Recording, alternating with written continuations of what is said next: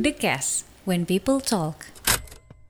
Saya Luis Adi Putra dan Anda sedang mendengarkan The Cast. Kesempatan kali ini kita memperoleh kesempatan untuk ngobrol dengan seorang wanita cantik. Wis. Biasanya sih saya sudah bosan sih ketemu bintang tamu laki-laki semua. Kesempatan kali ini kita dapat eh, ngobrol dengan seorang sutradara lokal juga, seorang penggiat film juga di Makassar. Ada siapa nih di sebelah sana? Bisa memperkenalkan dirinya dulu? Halo, saya Fatima Azahra. Cie. Sayangnya eh, Fatimah kebanyakan berada di belakang kamera ya. Iya. Aduh, padahal kalau depan kamera juga pasti terkenal nih. Eh, ya awalnya mulai main-main di depan kamera sih. Mm-mm. Tapi rasanya memang lebih asik di belakang atau depan kamera. Lebih challenging di belakang layar. Oke, lebih challenging di belakang layar. Fatimah ini biasanya dipanggil apa sih? Biasanya Imah dipanggil Ima, Time, Za, Cie. Cie, ya, enaknya dipanggil apa nih? Enaknya dipanggil apa? Sayang. Yeay. Aduh, penunggunya yang marah. Oke, dipanggil Time aja deh. Ya. Nah, eh, Time ini sendiri awalnya mulai terjun ke perfilman Makassar itu seperti apa? Waktu main masih depan layar berarti nih. Itu waktu sekolah di Atira, terus Mm-hmm. ada tugas akhir untuk mata kuliah, mata kuliah. Mata kuliah masih SMA Uh. kan, Atira. Iya. Udah ada Apa kampusnya ya? Belum ya? Mungkin akan ada. Iya, Iya, amin aja. Kan ya. banyak ya duitnya juga. Iya. Oke, jadi awalnya eh, SMA dulu waktu Hmm. SMA Atira. Itu kenapa bisa? Tugas akhir apa sih? Tugas akhir kesenian sama bahasa Indonesia. Tugas akhir kesenian bahasa Indonesia disuruh bikin film. Itu jadinya kenapa milih bikin film? Karena dari gurunya. Oh memang minta bikin film.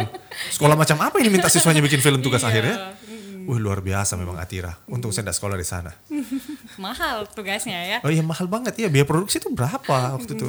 Waktu itu biaya produksi berapa? Tapi sebenarnya murah aja karena sama teman-teman itu kita diajak untuk eh, menghitung sendiri. Heeh, kemudian bayarannya cuma ditraktir makan. Udah Oh. sampai sewa alat gitu-gitu. Oh sampai sewa alat. Hmm. Itu budget Diajar. waktu itu berapa? Tahun berapa tuh? Tahun 2012 5 jutaan. 5 jutaan itu termasuk sewa alat, eh, kamera, lightning, makan. mic apa segala macam itu 5 jutaan ya. Oke. Jadi akhirnya setelah eh, membintangi tugas akhir itu tertarik mulai terjun ke dunia perfilman. Iya. Hmm, sebagai penulis membuat Sebagai- cerita. Wih, Iya. sebagai penulis ya. Nah, setelah itu mulai menulis cerita film pertama apa nih? Cerita film pertama karena saya masuk kuliah dulu di antropologi. Mm-mm. Jadi saya kayak banyak riset soal kebudayaan suku-suku, terus bikin daftar-daftar untuk eh, film workshop. Oke. Terus eh, jadinya kayaknya memilih untuk latihan di dokumenter. Memilih jadi oh, jadi lebih banyak kan dari antropologi sendiri. Kayak cerita-cerita zaman dulu, jadi kemudian lebih ke masyarakat Iya. dan memilih dokumenter. Hmm. Tapi fiksi juga seru Ji, cuman mungkin someday. Mungkin someday, ya. Fiksi, fiksi kan terlalu luas juga. Apakah daily fiction atau mungkin sci-fi fiction juga bisa ya. Tapi biaya CGI juga pasti mahal. Hmm. Kalau buat film indie, CGI kayaknya masih sedikit ya yang main. Iya. Nah kalau eh, setelah mulai menulis itu berapa lama jadi penulis nih? Eh, dari Berapa film tahun jadinya? 2012 sampai sekarang. Masih jadi penulis sampai sekarang? Ya sekitar hampir satu film setiap tahun. Wih Tapi produktif dia banget ya. project gitu.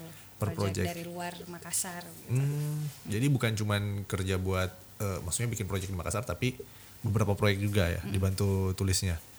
Proyek apa nih? Kalau boleh disebutin. Hmm, kayak eh, saya daftar Indonesia Documentary, terus dia ceritanya itu soal reklamasi pantai di Makassar. Yang Eagle Award itu? Em, Iya kadang eh, nyambung ke Eagle Award juga, tapi kalau Indox ini sendiri. Mhm. Terus dia kemarin sempat dapat penghargaan di Denpasar Film Festival itu Best Cinematography. Cie. Cie. Padahal dokumenter. Oke, itu hal yang agak sulit juga sih membuat saya kalau dokumenter menjadi best sinematografi. Itu kan rata-rata sinematografi untuk dokumenter ya gitu-gitu aja, tidak ada manuver-manuver yang berbeda. Saya kayaknya perlu nonton nih film. Apa judulnya? Eh, Senandung Sunyi Samudra. Wis, puitis sekali judulnya. Ini dokumenter. Hmm, dokumenter. Wih, keren banget ya judulnya kayak eh, cerita cinta sekali. Nah kemudian eh, Time yang jadi penulisnya di sana. Jadi penulis sama produser juga sutradara juga Wih merangkap semua nih.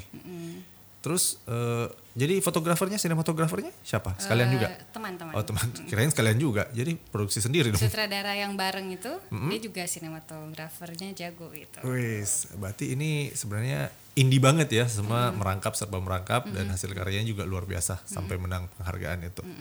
Jadi selain dokumenter apa saja nih yang lain? Mungkin Eh, sebelum-sebelumnya kayak film pendek fiksi kayak gitu-gitu yang paling berkesan nih dari produksinya ini yang mana nih? Yang paling berkesan yang mana? Yang pertama kah atau yang adalah yang punya cerita tiap- tersendiri? Tiap produksi pasti ada yang berkesan sih. The Karena most kontennya beda-beda. The most hmm, yang, susah didapat kah? Yang rasanya eh, ini paling berkesan nih, paling kena buat Yang saya itu itu. tadi yang reklamasi pantai itu sih. Yang reklamasi apa yang paling berkesan dari sana? Karena saya kayak mengenali orang-orang di pesisir dari kota sendiri. Ternyata tuh kayak menemukan banyak hal yang saya sendiri belum tahu gitu. Dan itu jadi kayak refleksi yang sangat besar ke diri saya setelah selesai membuat film itu kemudian mau jadi filmmaker yang seperti apa gitu.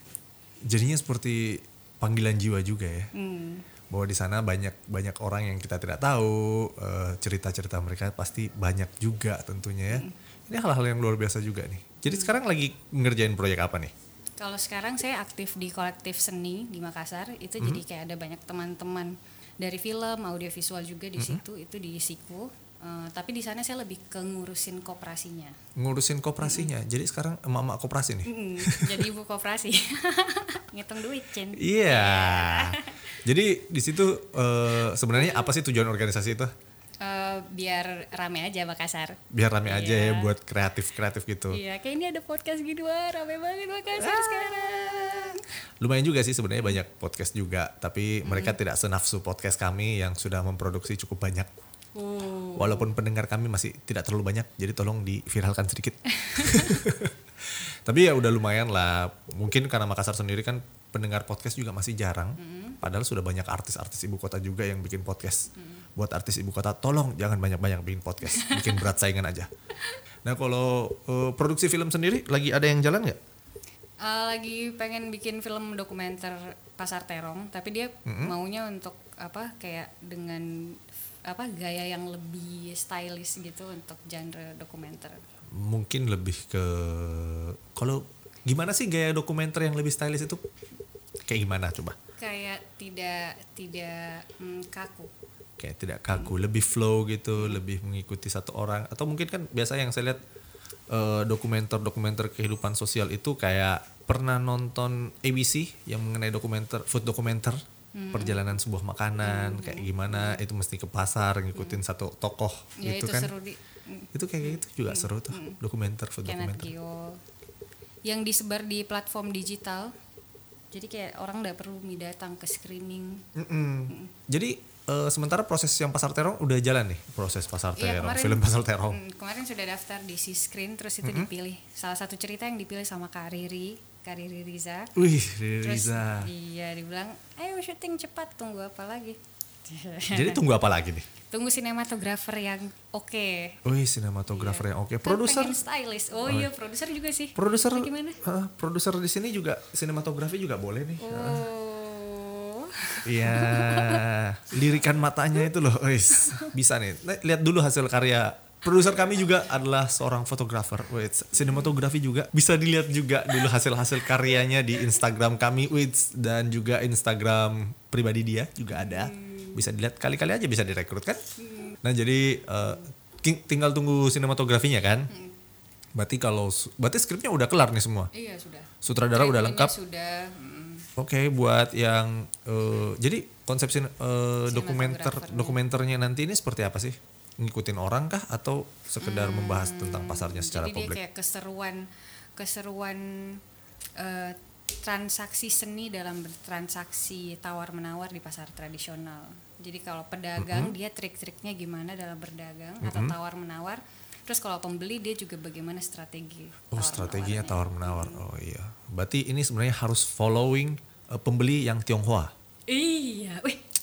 Iya saya, dong. Saya kepikirannya tuh kayak begitu. Memang karena di situlah seni tawar menawarnya. Karena jago sekali menawar, saya perhatikan. Iya, Heeh, itu paling omong kosong kalau menawar. Jadi kalau buka harga 50 ribu, 20 ribu mau. Be, yang benar bos. Jadi itu Mi juga, itu sebenarnya mengalir dalam darah juga. tapi yang kayak kayak begitulah yang mungkin banyak orang tidak perhatikan toh juga mungkin tapi Tionghoa ada jilid yang mau bekerja sama coba saja tanya banyak yang nganggur juga sebenarnya nah kalau untuk eh, selain proyek itu apa lagi nih yang ingin dikerjakan Hmm, saya mau syuting lagi di Jogja. Syuting di Jogja? uh, produserku yang kemarin. produser yang kemarin film nasional nih atau film Uh, apa Film iya nasional. sudah pernah terlibat film nasional apa saja Oh, kemarin saya production assistant buat film Atira. Oh iya Iya. Atira. Mm-mm. wih keren. Saya belum nonton sih. Mm-mm. cepat sekali hilang. Kenapa? Saya tidak sempat nonton hilang mi. Nggak ada bajakannya Gitu. atau atau mungkin ada simpanannya produser gitu. Kecepat sekali hilang. Dari pasaran tuh baru mau nonton ini ada mi. Jadi selain itu proyek waktu itu jadi eh, executive production producer Uh, uh, asisten asisten produser. produser. Kerjanya asisten produser ngapain sih mengatur semua support untuk syuting mengatur support untuk syuting terus kerjanya produser apa? Produksi. Produser uh, mencarikan uang. Eh, gitu ya. Kalau jadi kalau sutradara sendiri kan memang ngerjanya lebih ngatur eh, Kreatif. alur kreatif, alur fo- videonya seperti apa, alur ceritanya seperti apa ya. Oke, sebenarnya sih masih agak-agak bingung juga sih. Kadang-kadang ada kan eh co-producer, asisten sutradara, apalah apalah sebenarnya kayak itu. Itu agak-agak membingungkan juga ya jalur pekerjaannya seperti apa. Di Indonesia eh, jadi proyek nasional yang sebelumnya eh, Atira, selain itu proyek nasional yang lain apa nih? Yang lain mm, belum ada lagi sih kan saya tinggal di Makassar. Mungkin kalau di Jakarta tinggalnya ikut banyak kali ya. Iya. Bisa jadi, bisa jadi. Iya. Tapi kan sekarang lebih berkembang kan dengan konsep internet, lebih cepat Iya. juga sama seperti kemarin si Yayan Ruhia dan Cecep Agus Rahman. Itu waktu mereka syuting di Malaysia, malah langsung dapat panggilan dari sutradara John Wick. Oh iya iya. Ya kan itu by Skype aja mereka interview. Nah, mungkin kurang promosi aja, dipromosiin lagi. Atau mungkin kayak lebih ke apa?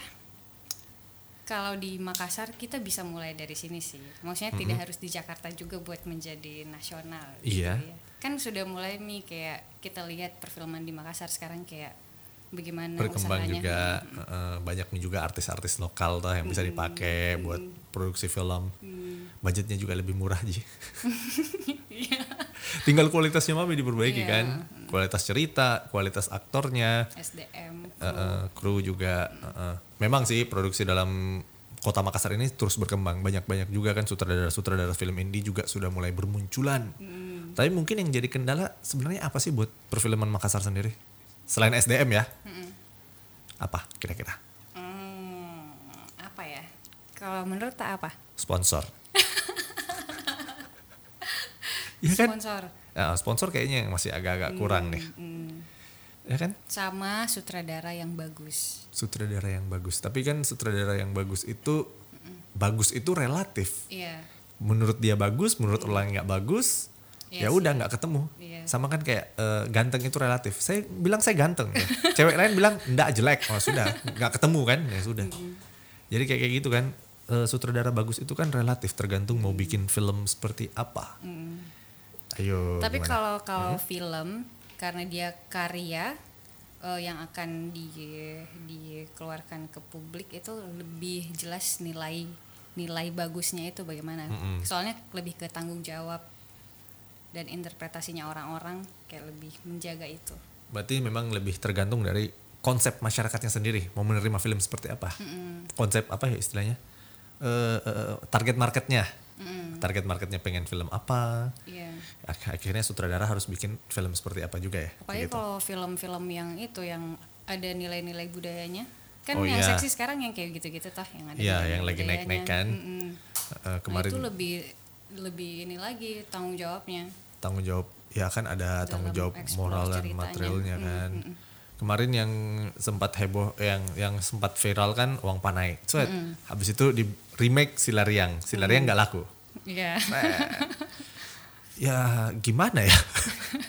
Dia ingin ada dua. Ah, Silariangnya ada dua. Iya itu. Iya. Dia ingin mencoba mencoba naik dengan konsep yang lagi naik itu si Uang Panai terus masuk Silaryang eh dia tidak berhasil. Padahal aktor aktor ibu kota kan dia pakai Iya, juga iya, kan. yang film Silar yang satunya yang kedua itu kan. Iya. Heeh. yang pertama sih aktor ibu kota juga tapi cuma satu. Efeknya kan kurang kurang kena di masyarakat Iya. sepertinya ya kayak gitu. Mungkin yang lain juga aktor ibu kota tapi tidak ditahu. Iya juga sih sebenarnya. Ini ada pertanyaan titipan. Kembali ke masa SMA dulu. Judul film SMA-nya dulu kan hijau kotak Hijau kotak-kotak. hijau kotak-kotak itu kan baju seragam Atira kan hijau kotak-kotak Hmm. itu eh, awal konsep ceritanya itu sebenarnya dari mana Judulnya atau oh Ya, seluruhnya lah. ceritanya ya. Heeh. Dari itu apa? based on true story Iya itu setengah based on true story karena Setengah kita based on bikinnya sama memang betul-betul geng-geng itu, geng pangnya anak Atira. geng pangnya anak Iya. Atira saya baru tahu ada geng pangnya anak Atira ini Iya. Apa namanya itu geng pang? Anak Atira. Geng pang ber AC. geng pang. Bagaimana nih? Aduh jadi boleh cerita jadi mungkin boleh sih, boleh sih berarti pang ber AC. iya iya. Bagaimana kah ceritanya itu? Saya kan tidak pernah nonton juga itu film. Itu ada di YouTube sekarang. Iya saya Hah? ada kan di YouTube itu film? Ada di YouTube. bisa diputar dulu sutranya Jangan. Hah? Kau sudah nonton tadi? Bagaimana kah ceritanya? Saya belum nonton nih. nih. Ceritanya soal cinta monyet anak SMA yang sangat tulus dan Cin- penuh kasih. Cie. Jadi waktu itu kan waktu SMA jadi pemerannya. Iya jadi pemerannya. Waktu itu scriptwriter juga. Waktu itu iya. Oke, itu ceritanya cinta segitiga anak SMA yang tulus. Bagaimana itu cinta monyet tulus? Susahnya itu dijelaskan. Cinta anak SMA yang Hmm.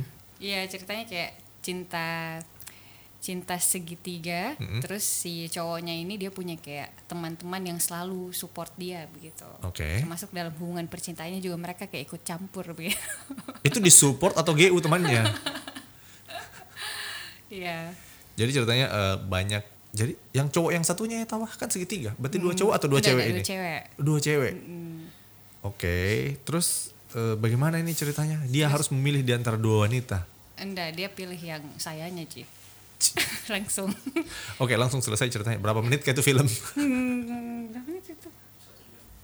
Deh, film pendek, anu, udah sampai satu jam. 30 menit ya 24 menit kayaknya 24 menit film pendek, masih masuk kategori film pendek. Eh, jadi oh, ceritanya waktu itu eh, galau dia atau tidak langsung memilih satu wanita, tapi ada wanita lain yang memburu dia gitu. iya ada wanita lain yang mengejarnya Oke, tapi dia memilih setia pada satu Iya. orang wanita. Wits. Semoga filmnya tidak seperti saya belum nonton sih nanti saya nonton habis ini. Filmnya tidak seperti Sidul kan? Enggak, dia Yang kayak berasa sidul- anak SMA sekali sih kayak SMA sekali. mm, yang lugu-lugunya anak SMA itu dapat sih. Oke, lugu-lugunya lucu dan guriting. Mm, Lugu tuh. Iya iya. Ah, kalau kan Sidul kan agak menjengkelkan sebenarnya buat laki-laki itu sangat-sangat menjengkelkan. Bayangkan dua orang wanita. Angkatan berapa ki? Sidul saya Kan harus Sidul the movie lagi. kan? Sidul the movie ini. Oh, iya, iya. Bayangkan dia sudah punya istri, terus ada mantannya datang, ih dia galau. Cila kamu laki-laki Hmm, harus kok konsisten masa? sama istrimu. Astaga bahaya jadi kena ki post power syndrome. Coba kita nonton Sidul the movie. Ada lagi Sidul the movie 2. Iya, itu pertanyaan titipan yang tadi. Bagaimana kesan film pertama itu sebenarnya dalam kehidupan Time sendiri? Hmm, saya langsung kayak suka aja film. Langsung suka aja film, bukan sama pemeran laki-lakinya. Enggak. Siapakah pemeran laki-lakinya ini? Kenapa Edit bertanya terus dari tadi? Iya itu teman mantan teman kelasku. Oh oke, bukan ji pemeran laki-lakinya Edi. Bukan. dia produser. bukan. Dia figuran. Dia figuran. Jadi apa? Jadi teman-temannya si laki-laki Iya. itu. Oke oke, pantas anda bertanya terus dari tadi. Gajinya sudah dibayar waktu itu? Dia yang bayar. Wis luar biasa memang. Sampai sekarang itu dia masih membayar-bayar juga ini buat kita kita. Oke, jadi kan eh, pastinya jadi sutradara itu sebenarnya fokusnya timnya sebenarnya jadi apa sih? Scriptwriter atau sutradara atau produser atau apa sih? Jadi sutradara belajarnya. Belajarnya jadi sutradara nih. Pasti kan punya sosok ikonik juga nih yang ingin dikejar. Siapa nih sosok sutradara lokal ataupun internasional? Kalau internasional Wes Anderson. Wait. Eh, eh, lokal siapa? Kalau lokal em, Edwin. Edwin. Edwin. Edwin yang bikin filmnya apa yang terakhir Edwin bikin? Udah nonton Edwin? Edwin. Edwin yang mana nih? Ada Edwin. Saya kayaknya memang jarang nonton film lokal. Edwin yang mana? Edwin saja. Dia postcard from the zoo filmnya. Postcard Postcard from, the Zoo. yang main Lydia Sheryl sama Nicola Saputra tapi dia masuk ke festival festival film ya festival film oke memang sih kalau kayak film-film festival kan jarang masuk di Bioskop. bioskop, kan kemudian beritanya juga jarang di blow up kan Iya. jadi mungkin karena itu saya sedikit kurang mengenal Bang Edwin karya-karyanya ini seperti apa sih sebenarnya sangat segmented ya kayak Oke. mm, dia kayak fiksi yang fairy tale yang penuh dengan keajaiban-keajaiban dalam bikin filmnya gitu Mhm. jadi ceritanya memang lebih eh, miracle of life gitu iya ya Jadi- kayak, kayak kita nonton film manusia tapi kayak nonton film kartun jadi kayak seru nontonnya begitu Hmm, oke, saya perlu mencari dia. saya perlu mencari itu. Jadi sebenarnya memang film-film festival itu lebih ideologis ya, lebih mengejar ideologinya sendiri. Jadi mungkin bayangan Time adalah membuat film-film seperti itu. Mm, tapi kayak tetap jadi seru begitu Oke, ini luar biasa banget sih. Stephen Chow juga bagus di Stephen, Stephen Chow, iya Stephen Chow Kung Fu Hustle. Iya, sampai Iya. sekarang nggak bikin-bikin film. Iya, Terakhir kan ditunggu. filmnya tidak laku. masa yang mana Yang apa? Yang yang yang yang yang yang New King of oh Humor, eh, New King of apa gitu, itu nggak kurang laku, kurang booming. Hmm. Makanya dia launching juga Kung Fu Hustle 2 tapi Oh, entahlah belum tahu belum belum terlalu anu lah dia Hmm. belum terlalu booming lagi. Sebenarnya juga perfilman Tiongkok sendiri lebih banyak yang penting produksi produksi produksi hasilnya juga mereka tidak terlalu tidak terlalu peduli sih sebenarnya. Hmm. Orang kebanyakan duit produksi aja nggak laku juga nggak apa-apa. Iya iya iya iya. Nah kalau kita ngebahas sutradara Indonesia kan sekarang juga lagi sempat booming bukan sempat booming sih lagi booming boomingnya Joko Anwar. Iya. dengan eh, Gundala yang Iya. akan dirilis kan waktu dekat ini. Bagaimana eh, rasanya tim melihat bahwa Indonesia akan merambah ke kancah superhero? Superhero. Hmm. Ya kayaknya pasti seru sekali apalagi superhero superhero lokal. Yes. Superhero baru juga ya yang diciptakan Gundala itu.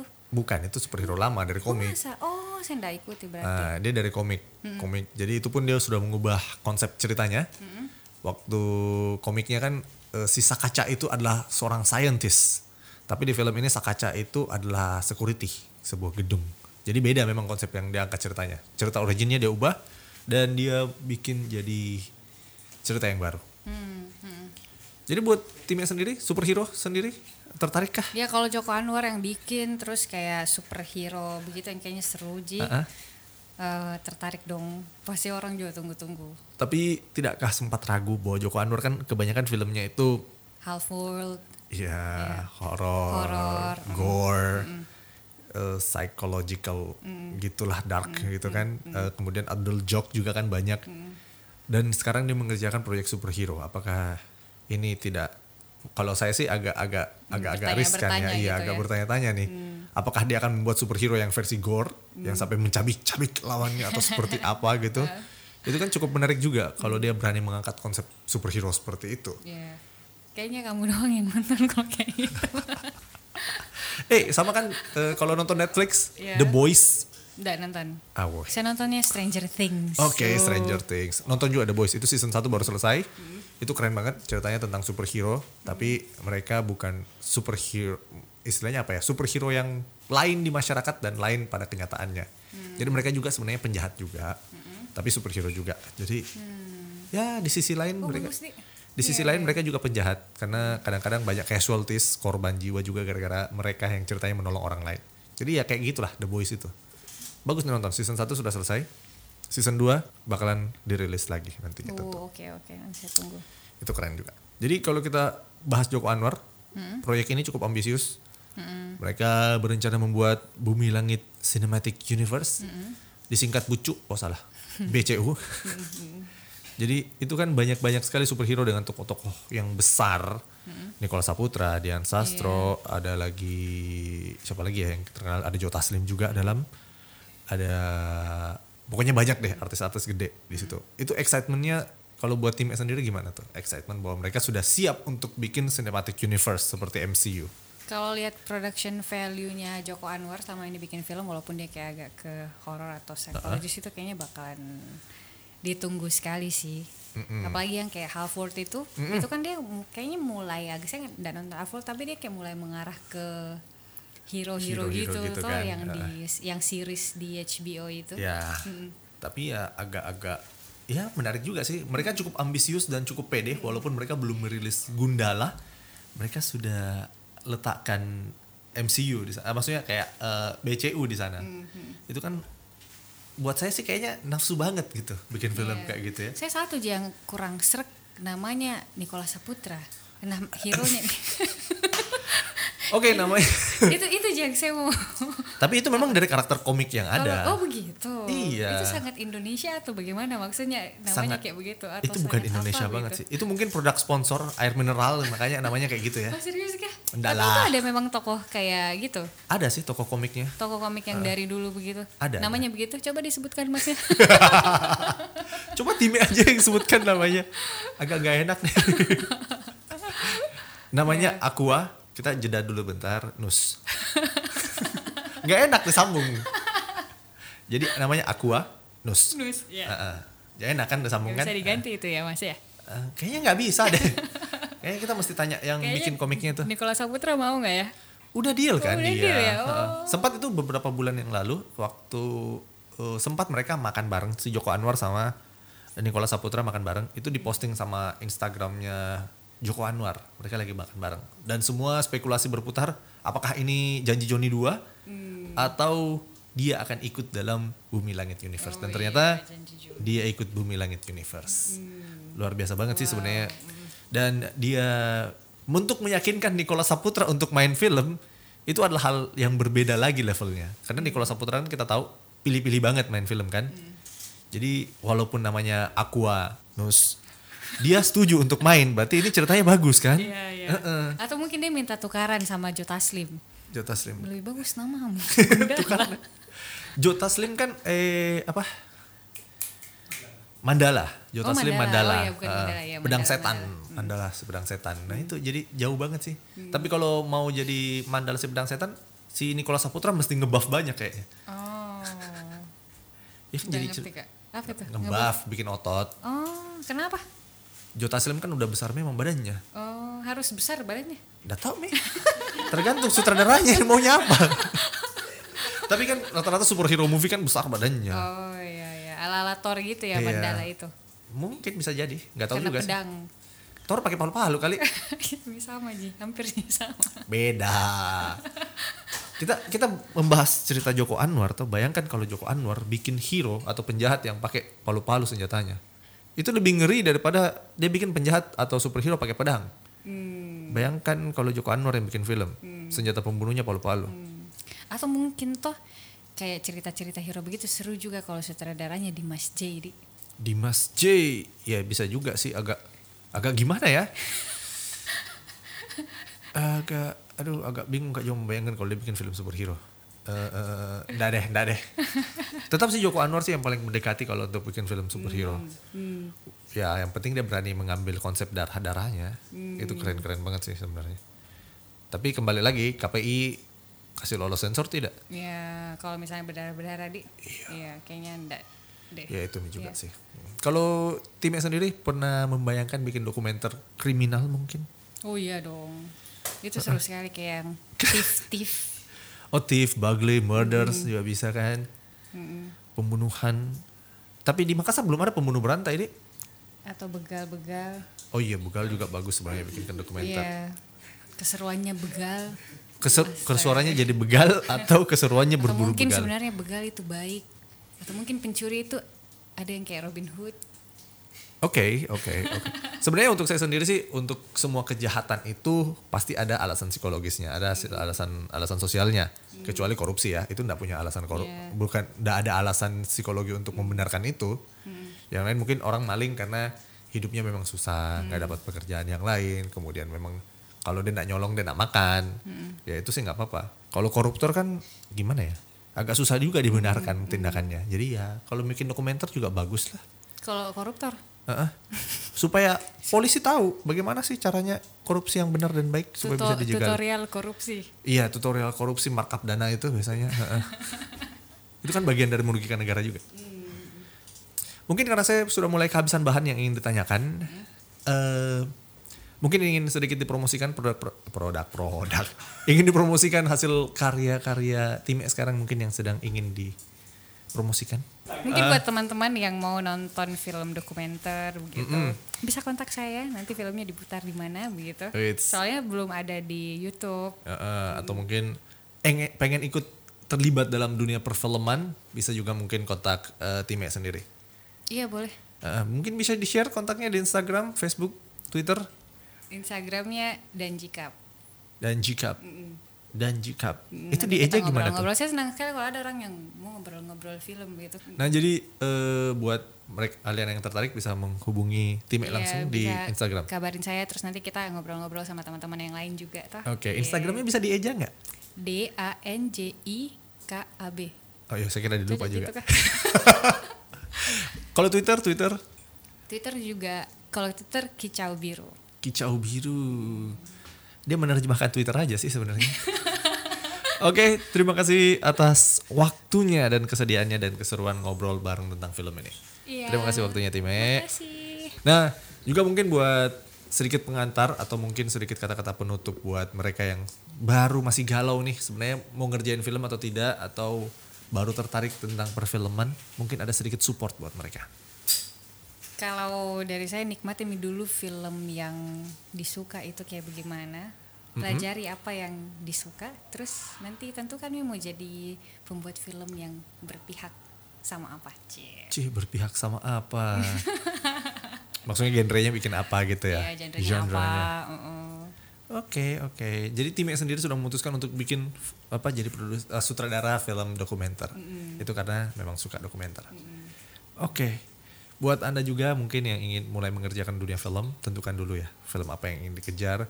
Pelajari juga gayanya apa. Mungkin awal-awal masih menciplak gaya sutradara favorit. Iya itu enggak apa-apa, J. Iya. Tapi saya juga kayak mau bikin film fiksi begitu. Ya, sekali-sekali dicoba dunia baru atau ya. ada di tengah antara dokumenter dan fiksi. Wih, Pasti seru fiksi juga. sejarah gitu ya. Iya. Itu keren-keren juga ya. Iya, iya, iya. Ya kan? Eh, bisa juga dicoba nih fiksi sejarah. Oke jadi eh, buat anda yang ingin tertarik untuk mencoba dunia perfilman bisa juga mulai Iya. dari profesi yang diinginkan mungkin jadi sutradara produser atau mungkin jadi lightning atau mungkin jadi eh, pemegang boomstick juga nggak apa-apa lah mulai dari awal kan. Iya. dan mungkin ingin jadi artisnya bisa juga mencoba kan. Iya. Kalau buat yang tertarik pos podcast, buat yang tertarik podcast jangan dulu banyak saingan. Oke sebelum eh, itu kita akhiri pembicaraan kali ini yang cukup panjang sebenarnya. Eh, buat anda yang belum follow kami di Instagram follow kami di thecast.id d e c a s t.id dan juga melalui Anchor dan Spotify kami The Cast. Terima kasih sudah mendengarkan The Cast